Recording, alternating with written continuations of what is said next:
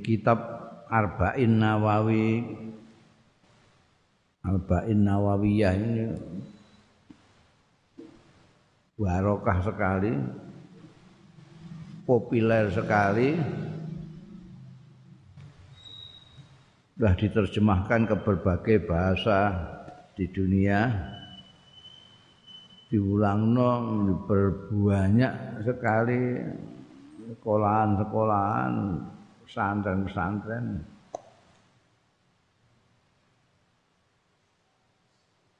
Warokai Imam Nawawi. Imam Nawawi itu seorang salah seorang ulama dari Syria dari Nawa. Dari Nawa.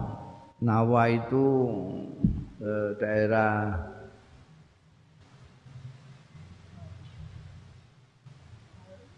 dekat sekali dengan Damaskus ibu kota Syria. Nawa. Makanya Nawawi itu dari tempat itu. Iki sak kurun hampir sekurun dengan Imam Busairi segala macam karena beliau lahir tahun 1222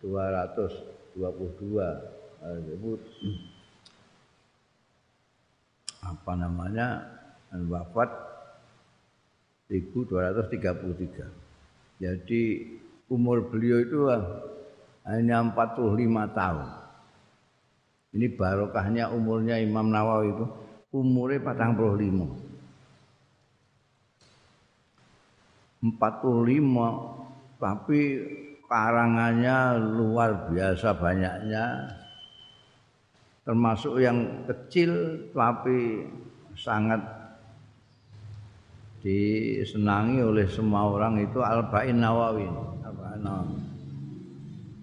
Beliau sendiri asmane Yahya Yahya bin Syaraf.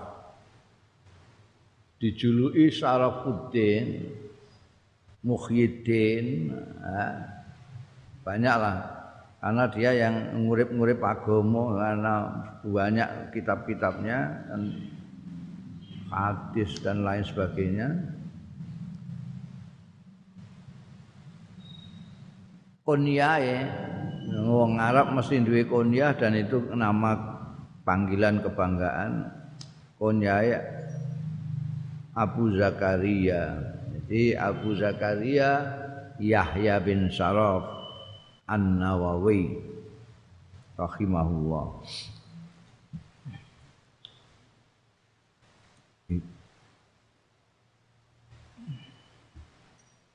Iki kanggo wiridan hendak Ramadan mulai entah pir begedat tahun. Jadi wiridanku Ramadan itu bar subuh burdah bar asar rial apa? Arba'in Nawawi Arba'in Nawawi. Wiridan Jadi ora ana sing ngaji bareng ya tak waca. Wis dadi wiridan golek barokah Kanjeng Rasul sallallahu alaihi wasallam. Mergo itu hadis-hadis yang dimuat di sini adalah hadis yang sudah ditintingi oleh Imam Nawawi. Beliau menulis ini di masjid yang terkenal Sayang sekali sekarang digempur oleh orang-orang gila. Masjid bagus sekali.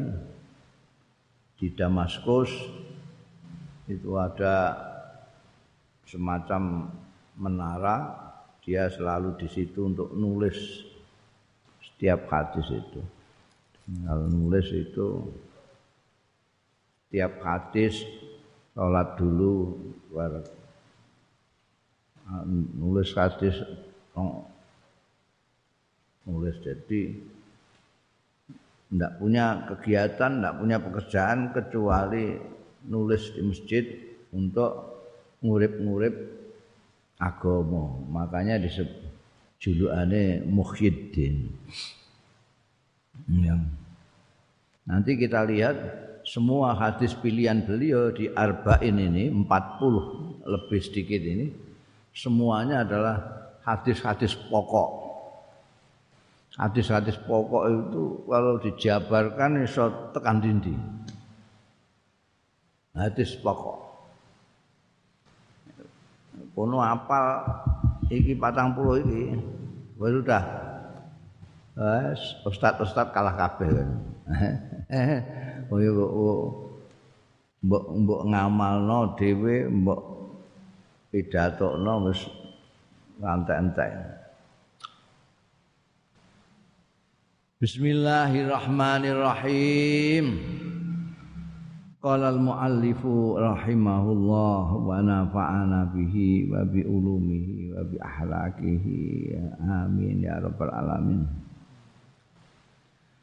Alhamdulillah rabbil alamin. Alhamdulillah utai sekai puji iku lillahi kagungane Gusti Allah rabbil alamin kang mengerani alam kabeh. Qayyumis samawati kang jumenengi pira-pira langit wal ardi lan bumi-bumi. Mudabbiril khalaiqi ajmain sing ngatur makhluk-makhluk iki ajmaina sekabehane Ba'ithir rusul sing ngutus para utusan salawatuhu wa salamu alaihim. Muga-muga uga-rubane Gusti Allah taala salamu lan keselamatane muga tetep alaihim ing atase para rusul. Ngutus para utusan mau ilal mukallaf ilal mukallafin maring wong-wong sing mukallaf mukallaf iku sing duwe akal li hidayatihim kanggo nuduhake mukallafin wa bayani syara'id lan jelasake syariat-syariat agama. Bidalaili kelawan dalil-dalil al-qat'iyati sing qat'i dalil yang pasti. Tidak terbantahkan. Wa wadihatil barahini lan cetha-cethane bukti-bukti. Ahmaduhu ngelembono ngalembono sapa ingsun ing Allah ala jami'i ni'amihi ing atase sekabehane nikmat-nikmate Allah. Wa as'aluhu lan nyuwun sapa ingsun ing Allah. Al mazida ing tambahan min fadlihi saking kanugrahane Allah wa karamihi lan kemurahane Allah wa asyhadu an la ilaha illallah. Anyekseni sapa ingsun an ing setune kelakuan la ilaha ora ana pangeran sinembah illallah kejaba Gusti Allah. Al wahidul qahar zat kang maha siji al qahar kang maha perkasa al karimu kang moho murah al ghafaru kang akeh pangapurane. Wa asyhadu an nyakseni sapa ingsun anna sayyidana Muhammad. Anna sayyidana setune pemimpin kita Muhammadan. Ya kanjeng Nabi Muhammad iku abdu kaulane Allah wa rasuluhu lan utas utusane Allah wa habibu lan kekasih Allah wa khaliluhu kan kecintaane Allah. Afdalul makhlukin luweh utama-utamane pira-pira makhluk al mukarrami kang dimulyakake bil Qur'anil aziz kelawan Quran sing mulya. Al mu'jizatil mustamirrati sing merupakan mukjizat sing berlangsung terus. Ala ta'aku bisinin. Ing atase gonta-gantine din tahun-tahun. Berulang-ulangnya tahun sampai sekarang. Wa bisunanil mustanirah. An kelawan sunnah-sunnah. Contoh-contoh perilaku al mustanirati sing menyinari. Lil mustarsidin kedua mustarsidin wong sing kepengin untuk bener kepengin petunjuk al mahsusi bijawamiil kalim kang diistimewai bijawamiil kalim kelawan jamek jamek kalim. Jamiil jamik kalim itu ono ucapan itu wong pidato ngantek satu jam. Di sini mak kutik mak soal soal wajib sembahyang. Ana sing cerita arep cerita sesuatu ngomongnya mau sidik wong gak paham kabeh. Anjing Nabi Muhammad sallallahu alaihi wasallam diberi keistimewaan oleh Allah Subhanahu wa taala dengan yang namanya Jawamiul Kalim. Jawamiul Kalim itu kalau bicara mencakup. Oh, no. Bicaranya tidak banyak tapi isinya banyak sekali. Jawamiul Kalim. Begitu bicara semua yang dibicarakan tercakup dalam pembicaraan itu semua. Nanti ya contoh-contohnya akan banyak dawuh-dawuh kanjeng Nabi yang jamil kalim. Yang cekak bahasa Jawa ini cekak aus. Sedikit tapi bernas ini ditakoi oleh sahabat sesuatu yang kelihatannya jawabannya akan panjang lebar ternyata oleh kanjeng Nabi hanya dijawab sedikit sedikit tapi sudah mencakup semua yang diinginkan penanya. Iku jawamiul kalim. Keiki ke, kekhususane keistimewaane kanjeng Rasul sallallahu alaihi wa sama din lan sama din samah itu jadi agama yang diasto Kanjeng Rasul sallallahu alaihi wasallam di akhir zaman itu agama yang mudah samah itu longgar mudah longgar mudah tidak berat Kalau terasa berat, itu mesti wong goblok yang memberat-beratkan agama. Hmm.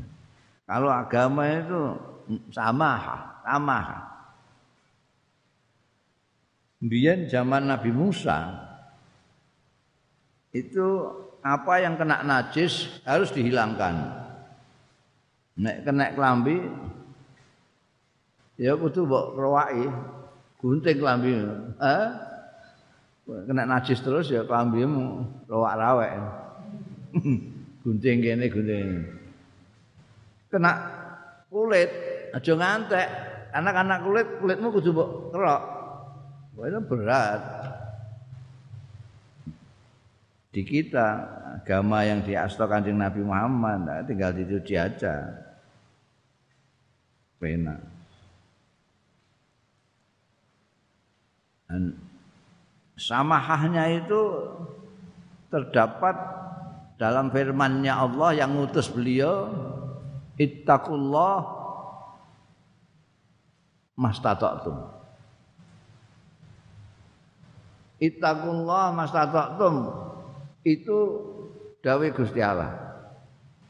Anehnya itu ini jarang sekali. Bahkan saya belum pernah dengar ada khotib Jum'ah yang membaca ittaqullah mastata'tum ndak pernah.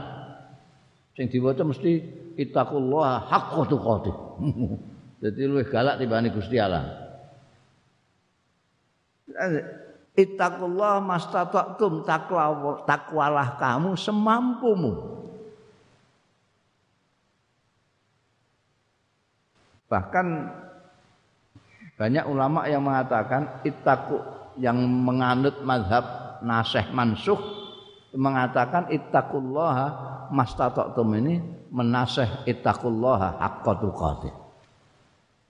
Anehnya itu ya apa khotib-khotib itu yang dipakai yang ittaqullah haqqa tuqatih. Mungkin karena khawatirnya orang-orang tidak takwa-takwa itu. Hmm. Malah ada khotib yang wajem lagi nek nerjemahno ittaqullaha haqqa tuqatih. takwalah kalian semua dengan sungguh-sungguh takwa. Awas kalau tidak. Nah, ngono barang. Dikai awas barang. Adalah Allah dawuh ittaqullaha mastata'tum. Takwalah semampu. Karena itu Kanjeng Rasul sallallahu alaihi wasallam sabdanya juga senada dengan itu. Idza amartukum bi amrin fa'tu minhu mastata'tum. Kalau aku perintahkan kamu sesuatu, kerjakan semampumu. Idza amartukum bi amrin fa'tu minhu mastata'tum. Jadi tidak ada mengada-adakan, oh saya tidak bisa terus dibisa-bisakan tidak ada. Ya saya sholat bisanya cuma fatihah ya fatihah saja, yang lainnya tidak usah. Banyak orang yang tidak sholat itu disangka sholat itu sulit. Padahal tidak. Hmm. Mau aku di konco itu orang salat alasannya mergo isane mau Fatihah tok. Loh. Aku lho. Sampeyan gimana? Salat itu wacanane ya Fatihah tok iku. Ndak iya toh kiai. Kok ndak iya mbok undang kiai mbok ndak iya berarti kamu enggak pati percaya. Nek nggak percaya kamu tanyakan yang lain-lain ya ya di mana-mana. Salat itu ya Fatihah itu. Bisa. Lah itu kok saya lihat yang pada sholat itu kok kalau ruku umat umi kalau sujud umat umi lah kamu mau umat umi juga boleh dari aku lah apa yang saya umat umi kan lah ono apa ora sing mbok umat umi no Nek gak ono ya rasa umak-umik, wong sing umak-umik iku ono sing diumak-umikno. Sampai enggak sholat. Nah kita Nah, kadang-kadang yang balik itu nerangno itu pokoknya kudu sholat, enggak sholat jahanam ngono tok ae. Tidak dijelaskan kemudahannya supaya orang yang merasa sulit itu mau sholat. Tidak bisa berdiri duduk, tidak bisa duduk tiduran, sami tidak bisa. Ya amal itu. Paling enak agama kita paling enak sekali. Eh? We gampang tapi ojo dianggap ojo gemampang. Wong gampang. Wis gampang, Bang. Poso lunga adoh ngorong moka nanti diganti di lain waktu itu mau enak biasanya sembahyang duhur patang rakaat, sembahyang asar patang rakaat. Lunga adoh. Wah ini kesem so kabeh ini. Wes kayak korting dua rakaat, dua rakaat. Malah iso dikumpulno jamak jamak kosor. Wes enake ra karuan. Nah, enak. Mulane Kanjeng Nabi sampai ber, bersabda innad dina yusrun wala yusaddad dinu illa ghalaba. Innad din bukan ad-dinu yusrun tapi innad dina. Pakai inna. Iku tauhid. Nek ad-dinu yusrun itu hanya agama itu mudah. Tapi ini innad dina yusrun. Sungguh agama itu mudah. Ini kanjeng Nabi bukan ngarang sendiri kan. Ini Allah yang perintah. Allah sendiri dawuh ke yuridullahu bikumul yusra. Orang mandek kono tidak berhenti di situ, tapi ada terusannya yuridullahu bikumul yusra wa la yuridu bikumul usra. Tauhid juga. Tuhan menghendaki kamu gampang dan tidak menghendaki kamu sulit. Wis kan pol-polan to gampang iku. Yuridullahu bikumul yusra. ada lagi dawuh wa ma ja'alallahu fid dini min haraj. Tuhan tidak bikin dalam agama ini kesulitan. Agama sampah. Karena intinya dalam agama ini bagaimana kita tunduk kepada Allah secara ikhlas. Ya.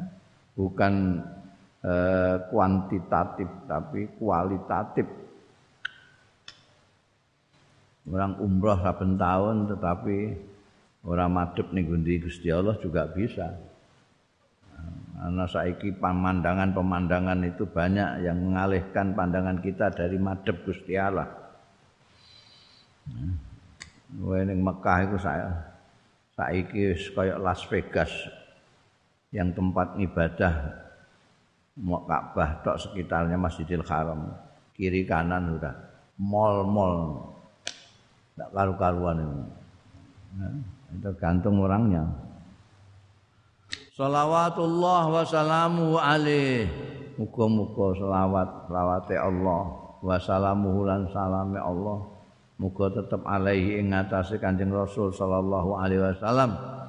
Wa ala sairin nabiyyin lan ing ngatasé sekabehane nabi-nabi wal mursalin lan utusan-utusan wa ali kullin lan keluargane masing-masing nabi itu wasairis sholihin lan sekabehane wong-wong sing soleh-soleh. Amma ba'du Fakat rawaina monggo teman-teman riwayatna sapa ingsun an Ali bin Abi Thalibin saking sahabat Ali bin Abi Thalib wa Abdullah bin Mas'udin Abdullah bin Mas'ud wa Muad bin Jabal dan Muad bin Jabal wa Abi Darda ilan Abi Darda wa Ibni Umar lan Ibnu Umar wa Ibni Abbas lan Ibnu Abbas Abdullah bin Abbas wa Anas bin Malik dan Anas bin Malik wa Abi Hurairah talan Abu Hurairah wa Abi Sa'idin Al-Khudri. Wah iki tokoh-tokoh sahabat kabeh mulai Sayyidina Ali Abdullah bin Mas'ud iki sing gawene nderekake Kanjeng Rasul sallallahu alaihi wasallam. Gawakno trompahe Kanjeng Nabi. Muaz bin Jabal sing tau diutus dadi delegasine Kanjeng Rasul ning Yaman. Abu Darda Abdullah bin Umar. Orang cerdik cendekiawan muda pada zamannya Abdullah bin Umar itu. Putrane sahabat Umar bin Khattab yang luar biasa ngalim Abdullah bin Abbas putrane sahabat Abbas yang juga muda juga ngalim ahli tafsir.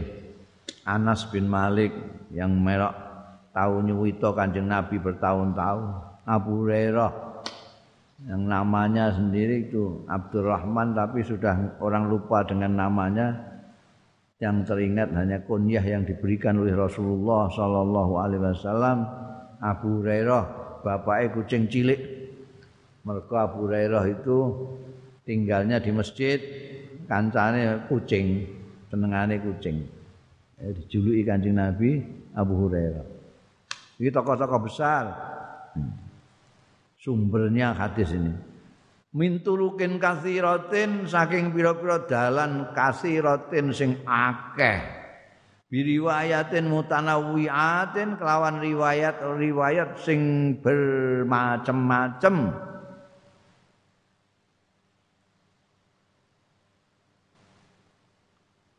Jadi biyen ulama itu ora kaya saiki kowe entuk hadis mok siji saka kiaimu siji iku tok wis ngertimu ya mok iku tok. Iku wae terus mbok nggo pidato rono rene. Mergo dalile balihu anni walau ayah enggak ngerti goyah walau ayah darani wis ayat lah pokoke kono pidato rono rene ini sampai minturukin kasiro berarti nek kok kene iki tekan kene kan kene kan kanjeng nabi Nek kok kene, kok kene, kene, ini tekan kanjeng Nabi. Kene, kene, kene. Dalane bilang-bilang. Sing abad ke-21 iki sing tahu aku melok ngaji ku Syekh Yasin rahimahullah, Syekh Yasin Al-Fadani. Yang ngaji itu matan yang dibaca itu beberapa biji. Tapi sanatnya itu dari berbagai anu dikandakno kabeh. Sing suwe iku. Aku tahu krungu hadis iki saka guruku iki. Gurune iki saka gurune saka gurune saka gurune saka sahabat. Lah aku ya krungu saka guruku sitok neh iki. Kok gurune, kok gurune, kok gurune, gurune kok sahabat liyane.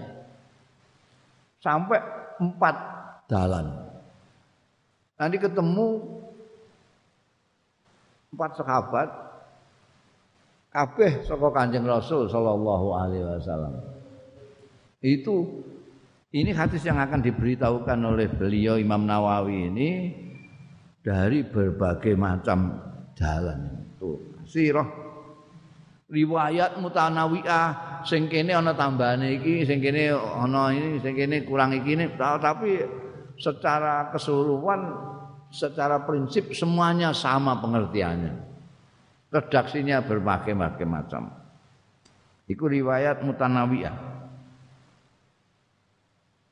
Jadi saya meriwayatkan itu dari sahabat-sahabat tokoh-tokoh besar ini dari berbagai jalan dengan riwayat yang macam-macam anna Rasulullah satu Kanjeng Rasul sallallahu alaihi wasallam Kala dawuh sapa Kanjeng Rasul man hafiza ala ummati. Sapaning wong sing ngreksa ya man. Ngreksa ini yang paling enteng dimaknani apal. Paling enteng. Apa sing apal? Sing paling berat orang yang tidak hanya apa ngerti maknanya tapi mengamalkan isi-isinya. Man hafidha ala ummati. Sapa wonge sing njaga ngreksa ala ummati ing atase umat ingsun arba'ina hadisan ing patang puluh apane hadisan hadise. Min amri diniha saking urusan agamane umat. Ba'athahu mongko membangkitkan nangekke sapa hu ing man hafiza sapa Allah Gusti Allah yaumal kiamat ana ing dina kiamat fi zumratil fuqaha'i ing dalem rombongane ahli-ahli fikih wal ulama ilan ulama-ulama. Engko bareng apa Sayyidina Ali bareng Imam Malik bareng Imam Syafi'i bareng Imam Ahmad bareng Imam Hanif Abu Hanifah ya, di sana Wa fi riwayatin karena tadi banyak riwayat. Wa fi riwayatin niku kesebut ana ing riwayat lain. Ba'athahullah nangekno hu ing man hafidha sapa Allah Gusti Allah fakihan sebagai ahli fikih aliman sing ngalim. Padahal nalika urip blas ora ngalim ra apa, tapi kalau dia menjaga 40 hadis maka nanti ditangek no kubur itu wah kayak kiai ulama. Wa fi riwayati Abi Darda dan iku kesebut ana ing riwayate Abi Darda karena Abi Darda termasuk sumber tadi ya. Samping Muad bin Jabal ada Abi Darda. Riwayati Abu Darda Kayak tanda kutip wa kuntu lahu yaumal qiyamati syafi'an wa syahidan ya, menurut riwayat Abu Darda man hafidha ala ummati arba'ina hadisan Allah yaumal qiyamah wa kuntu lahu yaumal qiyamati syafi'an wa syahidan. Lan ana sapa panjenengane ingsun Kanjeng Rasul lahu marang man hafidho mau yaumal qiyamati ana ing dina kiamat ana iku syafi'an. Wong sing nyafaati wa syahidan lan nyekseni. Saya niki umatku tenang iki menika umat kula menika kula syafaati ini matur nanti di sana syafaati mbek Kanjeng Rasul. Wa fi riwayat Ibni Mas'udin wong Imam Nawawi kaya ulama-ulama dhisik-dhisik itu betul-betul tuntas kalau ngilmu itu ya dari sana dari sini ngerti kabeh. Ing dalam riwayat Abdullah bin Mas'ud kila lahu. Siapa orang hafidhu ala ummati arba'ina hadisan? Kila lahu. Mongko diucapake lahu marang man hafidhu udkhul melbu sira min ayyi abwabil jannati. Saking endi pira-pira lawange swarga sikta ing karep sira. Jadi menurut riwayat Ibnu Mas'ud Kanjeng Rasul ngendika sapa wonge sing njaga 40 hadis engko didhawuhi ning kono. Es kono mlebu swarga iku lawang diae sing sak karepmu. Wa fi riwayat Ibnu Umar an ing dalem iku ing dalem riwayat Abdullah bin Umar man hafidha ala ummati arba'ina hadisan kutiba dicatat ya man hafidha fi zumratil ulama ing dalem kelompoke para wong alim. Wa khusyira lan digiring ya man hafidha fi zumratis syuhada ing dalem rombongane para wong-wong sing mati syahid ya. itu berbagai hadis tentang orang yang apal patang puluh hadis mulanya lalu banyak eh, ulama-ulama yang bikin 40 hadis 40 hadis. Termasuk di antaranya Imam Nawawi. Dengan cara pemilihan yang berbeda-beda ana wong sing milih patang puluh hadis khusus soal zuhud 40 tentang syariat 40 tentang tasawuf akhlak. Imam Nawawi mempunyai kriteria sendiri 40 yang paling induk. Ya. Tapi wattafaqal khufal lan sepakat sapa ahli-ahli hadis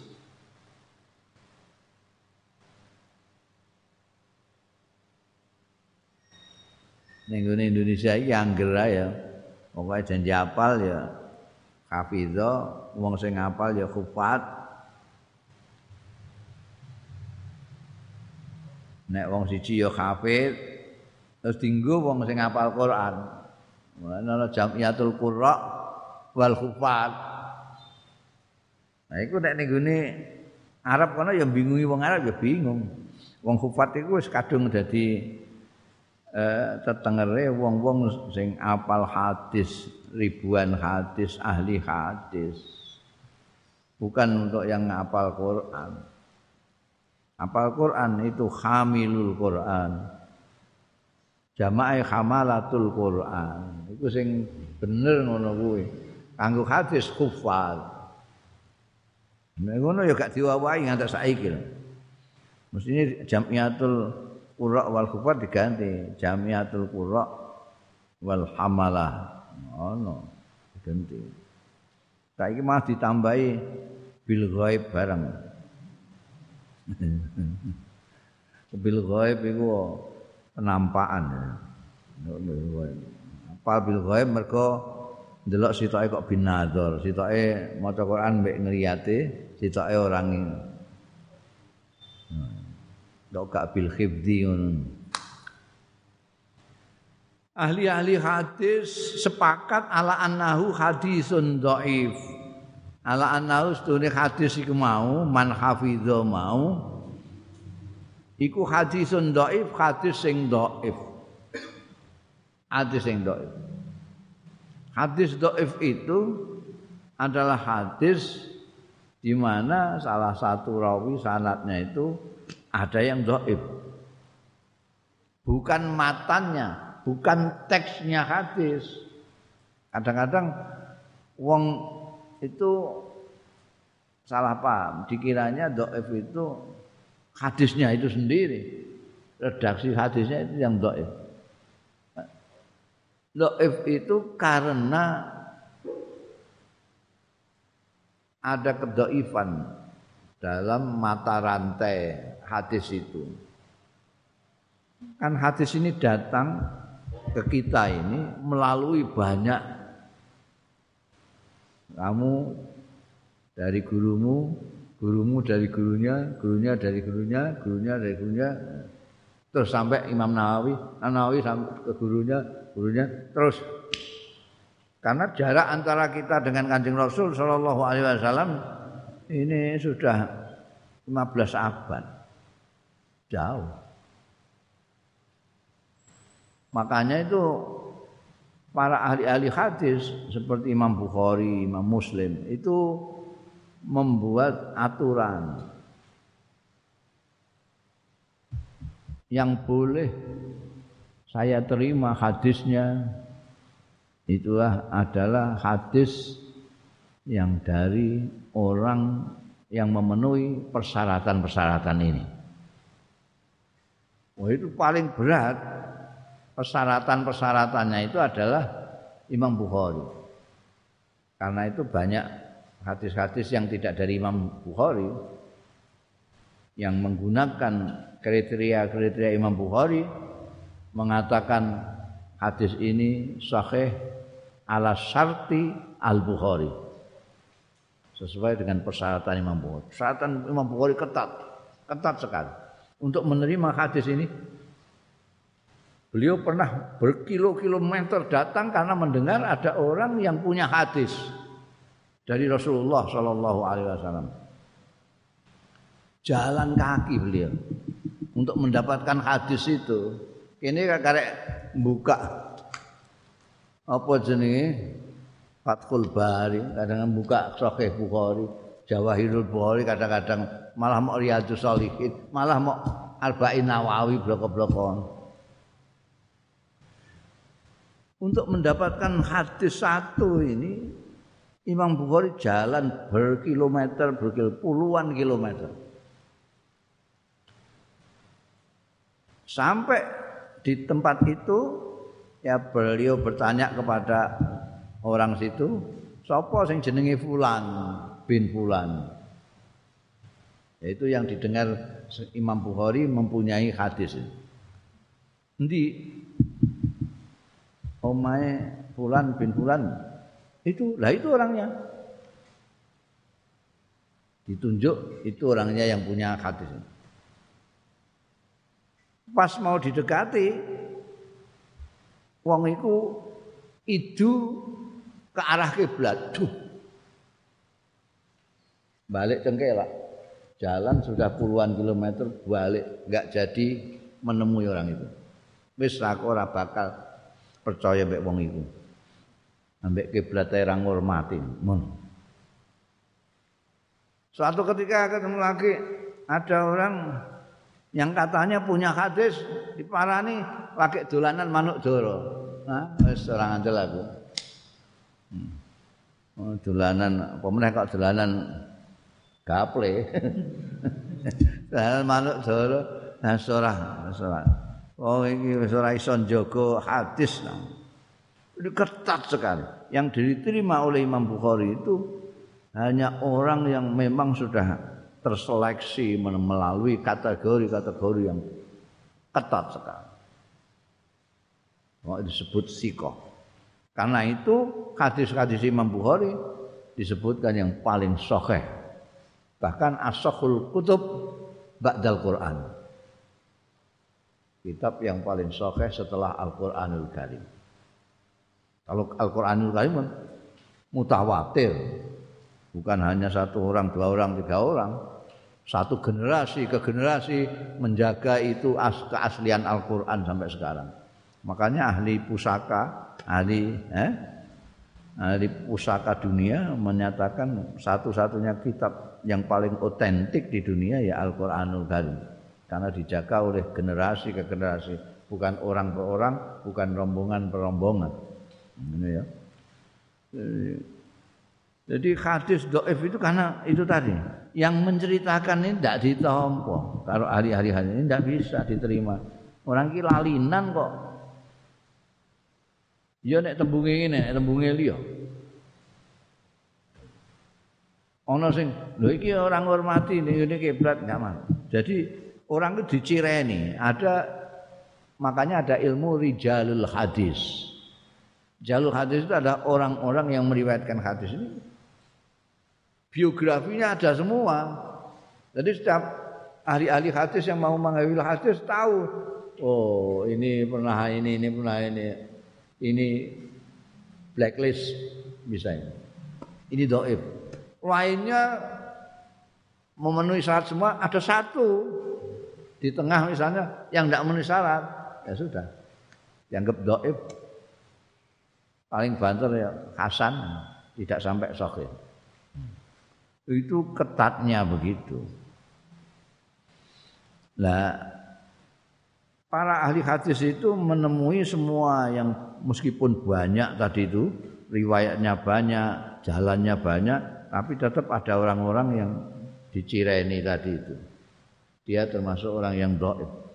Maka hadis itu disepakati sebagai hadis doib. Wa ing kasurat lan senajan akeh apa tulukuhu dalan-dalane hadis mau. Meskipun banyak tapi kalau ada yang dicireni tadi itu ya tetap aja disebut doib. Waqat sannafal ulama an yakti teman-teman nganggit menyusun sapa al ulama para orang alim radhiyallahu anhum fi hadzal babi ing dalam iki bab ma ing kitab ing barang la yukhsa sing ora iso diitung saking akeh minal musannafati saking karangan-karangan, susunan-susunan, anggitan-anggitan.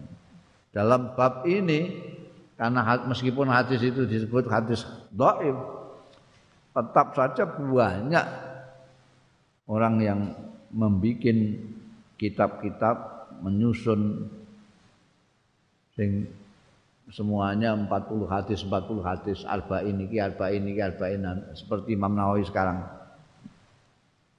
Fa awwaluman mongko utahi kawitane wong alim tuhu wong pinter iku bicaranya barang itu ya arif sekali fa awwaluman alim tuhu utawi kawitane wong alim tu sing ngerti sapa ingsun ku ing man tak ngerteni sonnafa ingkang nganggit ingkang nyusun fihi ing dalem bab iki hadal bab maksude patang puluh hadis iki iku Abdullah ibn al-Mubarak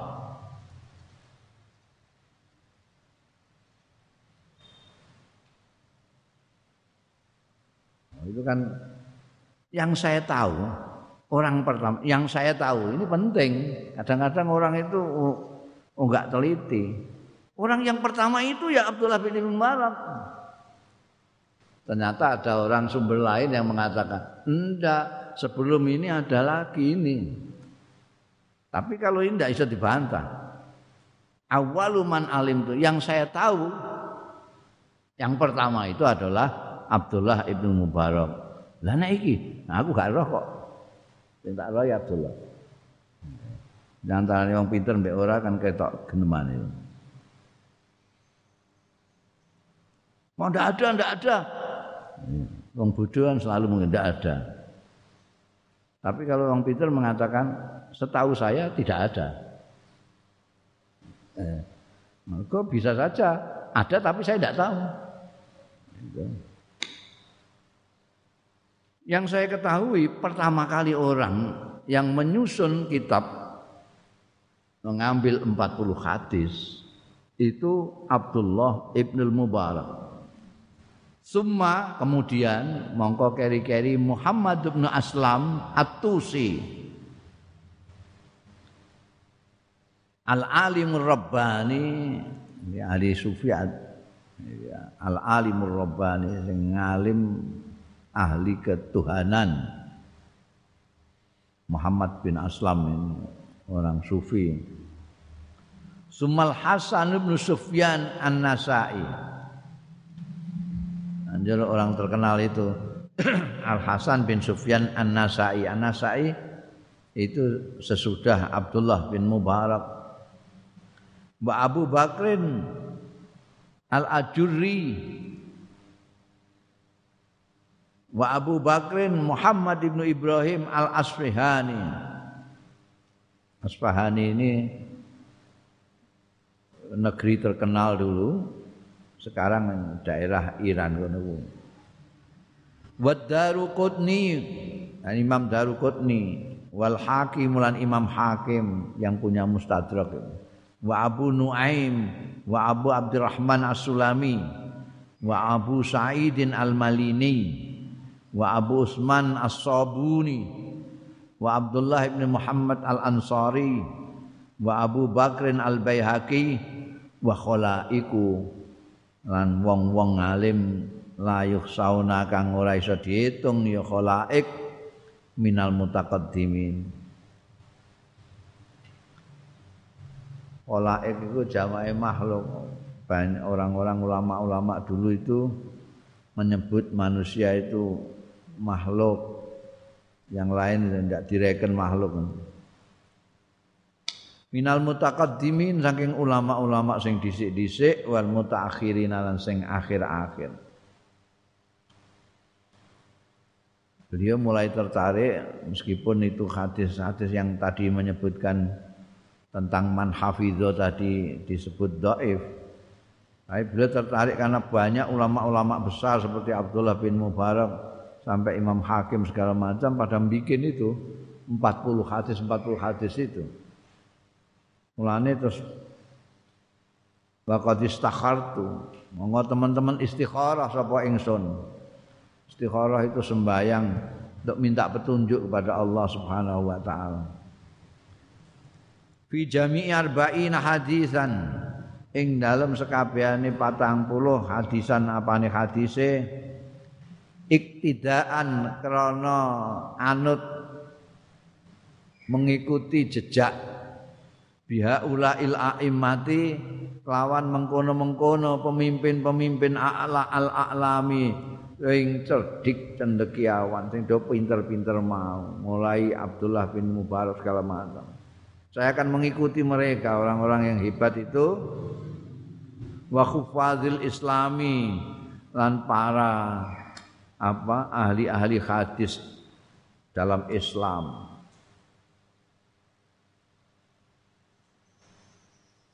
Wa qad teman-teman sepakat. Sapa al ulama para wong alim ala jawazil amal ing atase diperkenankannya mengamalkan bil hadis dhaif kelawan hadis dhaif fi fadhailil a'mali ing dalem keutamaan-keutamaane ngamal. Ini yang banyak orang yang tidak tahu. Wah dhaif ditolak. Nek ana wong muni ngene-ngene takoki hadise apa hadise sahih apa dhaif dhaif ditolak padahal sudah merupakan kesepakatannya ulama termasuk ulama-ulama hadis bahwa hadis dhaif itu bisa digunakan untuk fadhailul a'mal. Jadi nek kowe nganjurno wong supaya melakukan amalia-amalia yang baik terus kamu memperkuatnya dengan dalil hadis doif itu boleh yang tidak boleh hadis doib untuk menentukan hukum. Boleh. Menentukan hukum halal, haram, tidak boleh. Tapi kalau untuk amalia-amalia yang utama itu boleh.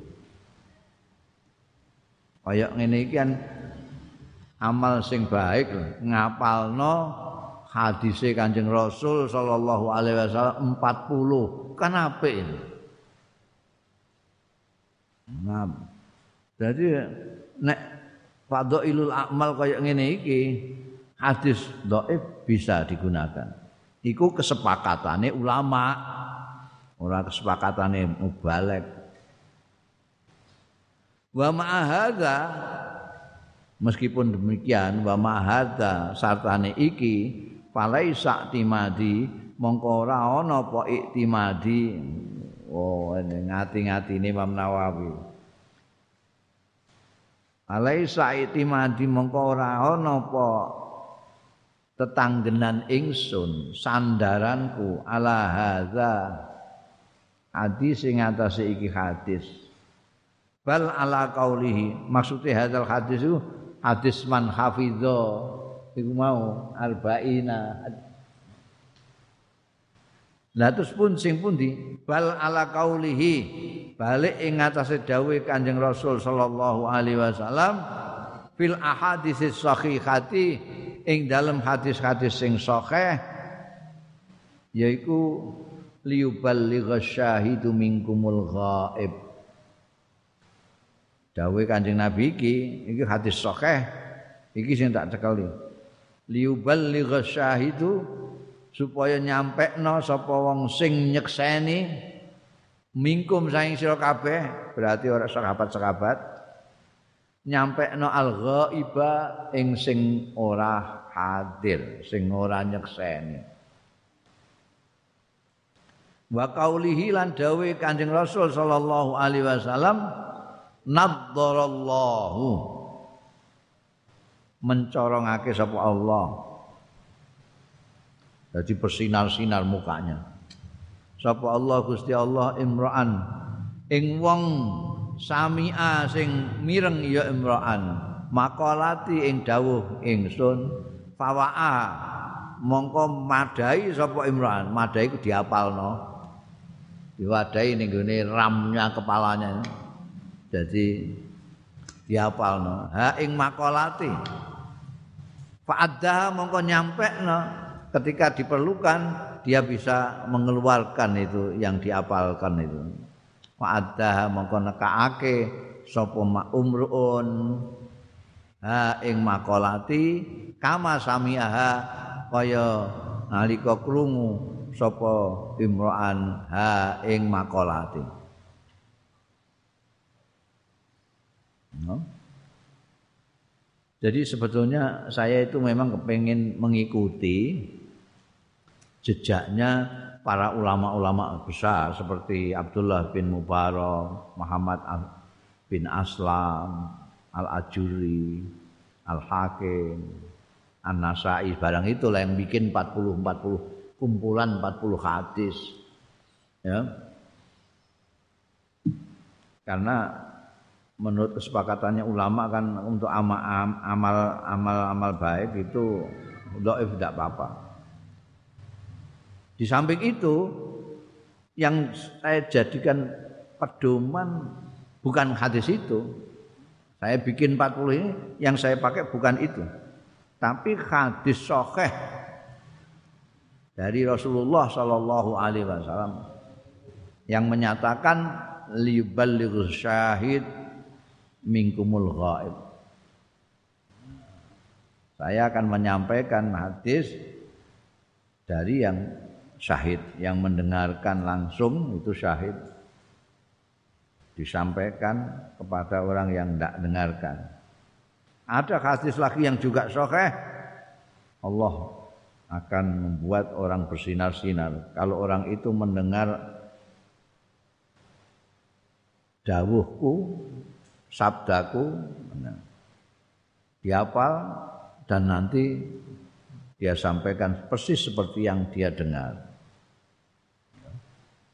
Jadi nanti jangan heran kalau ada sahabat Abu Hurairah, sahabat Ibnu Umar, sahabat Ali, sahabat-sahabat itu pada mencorong kabeh karena beliau-beliau itu mendengar dari Rasulullah diwadahi, dihafalkan dan disampaikan sampai kita dengar semua. Bundel. Summa minal ulama mongko keri-keri iku termasuk para alim manutai ulama jama'al arba'ina kang ngumpulake ya man al arba'ina ing patang puluh fi usuluddin ing dalem pokok-pokok agama. Ada yang milih hadisnya kanjeng Nabi 40 khusus satu topik yaitu usuluddin. Wa ba'duhum lan sebagian ulama fil furu justru 40 hadisnya kanjeng Nabi yang membicarakan mengenai cabang-cabangnya agama, bukan usul, bukan pokok agama tapi cabang-cabangnya agama. Wa ba'dhum lan sebagian ulama fil jihad. Patang puluh hadis di sini bab jihad tok. Wah itu yang diku cekelan wong-wong sing jihadin jihadin iku. Wa ba'dhum fi zuhdi. Sebagian ulama ngumpulkan 40 hadis khusus zuhud zuhud. Wa ba'duhum lan sebagian ulama fil adab ing dalem adab dalam etika budaya. Wa ba'duhum lan sebagian ulama fil khutab ing dalam khutbah-khutbah. Karena ada khutbah-khutbah Kanjeng Rasul dikumpul 40 terus dibikin buku khusus 40 khutbahnya Kanjeng Rasul wasallam. Ada juga.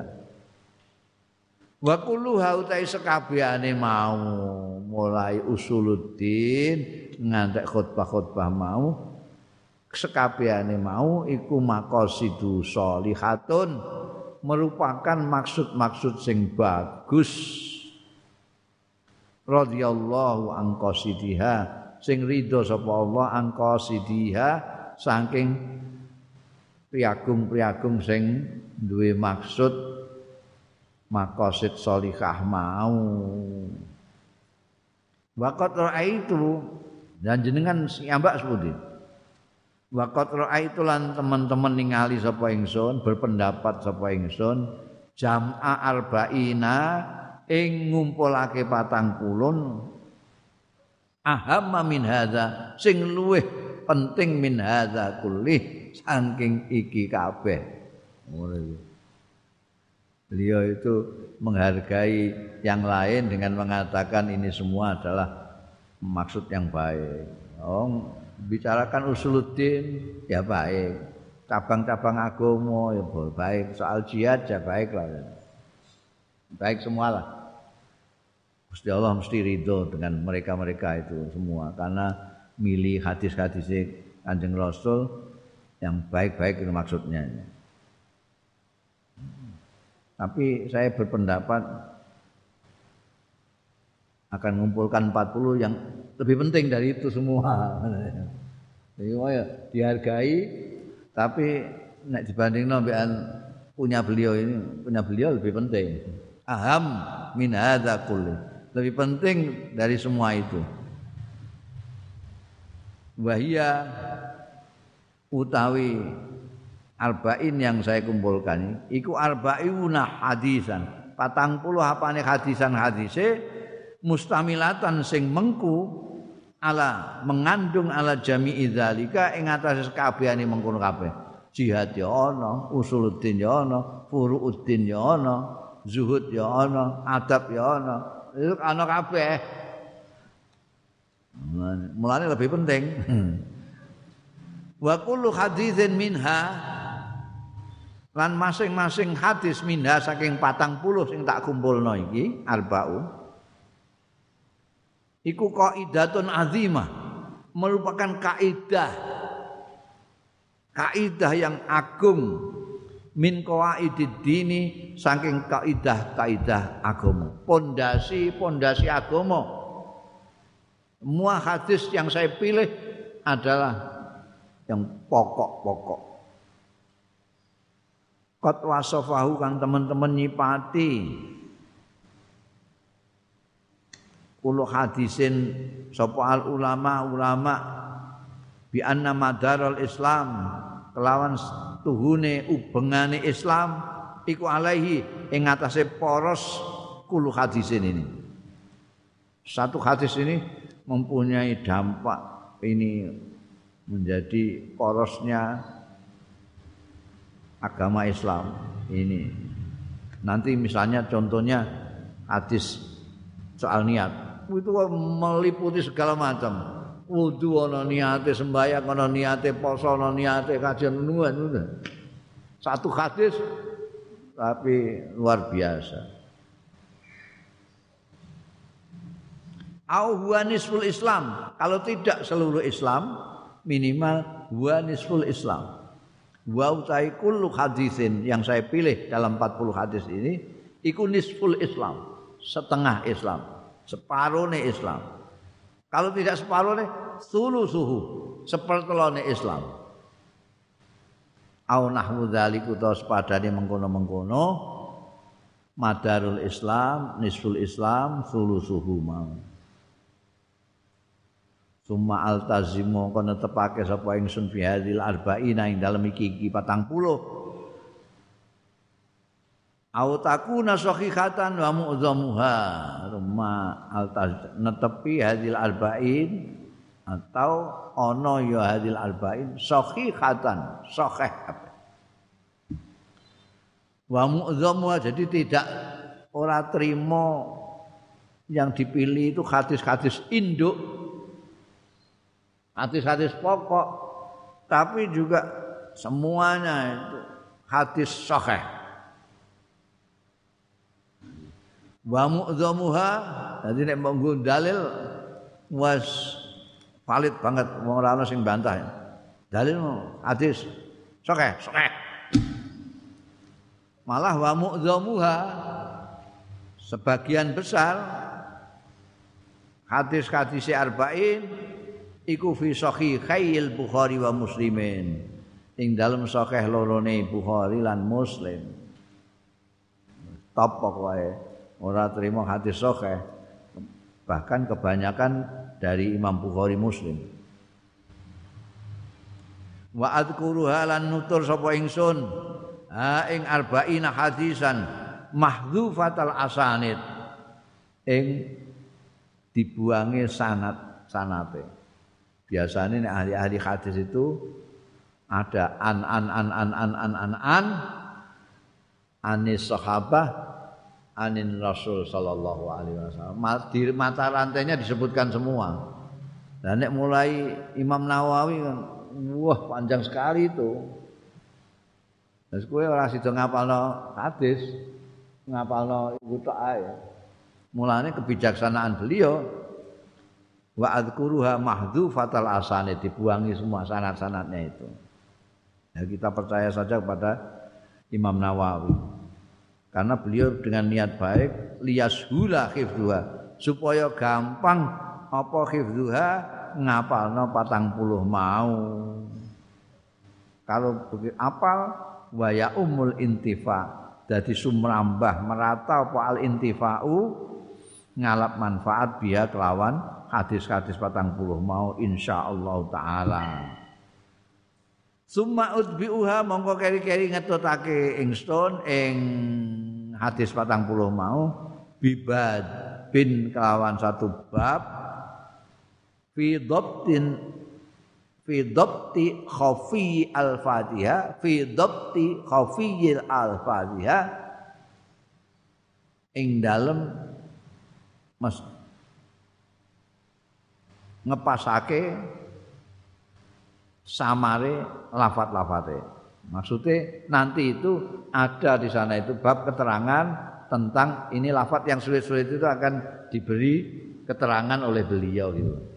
Jadi dalam hadis itu ada lafat yang sulit akan dijelaskan oleh beliau dalam bab tertentu. Wayam bagilan prayoga likulli rohibin kedua saben-saben wong sing demen fil akhirat ing dalam akhirat apa ayak rifa yen to ngaweruhi ya kullu raghibin hadil ahaditsa ing iki iki hadis sing 40 hadis 40 ini perlu sekali orang yang ingin bahagia di akhirat mengetahui hadis-hadis ini. Kenapa? Lima stamalat alaihi. Karena mengkune hadis-hadis iki alaihi ing atase ma bayane ma minal muhimmati nyatane hal-hal yang penting. Wahtawat alaihi lan mengku ya hadil ahadis alaihi ing atase ma bayane minat tambihi nyatane tambah peringatan ala jami taati ngatasé sekabehane ketaatan-ketaatan ora mok salat tok akeh ketaatan-ketaatan wadzalika utahe mengkono mau iku zahirun cetha jelas liman tadabbarahu tumraping wong sing angen-angen ya man. Hu ing zalik wa 'alallahi lan ing atase Gusti Allah iktimadi utawi tetanggenan ingsun sandaran ingsun wa ilaihi lan marang Gusti Allah dhewe tafwidi utawi pasrah ingsun wastinadi lan ya sandaran ingsun. Walahu lan iku kagungane Gusti Allah alhamdulillah sekali puji wan nikmatulan kenikmatan. Bi kelawan Gusti Allah at-taufiq utai pitulungan wal ismatulan perlindungan. Al hadisul awal wallahu alam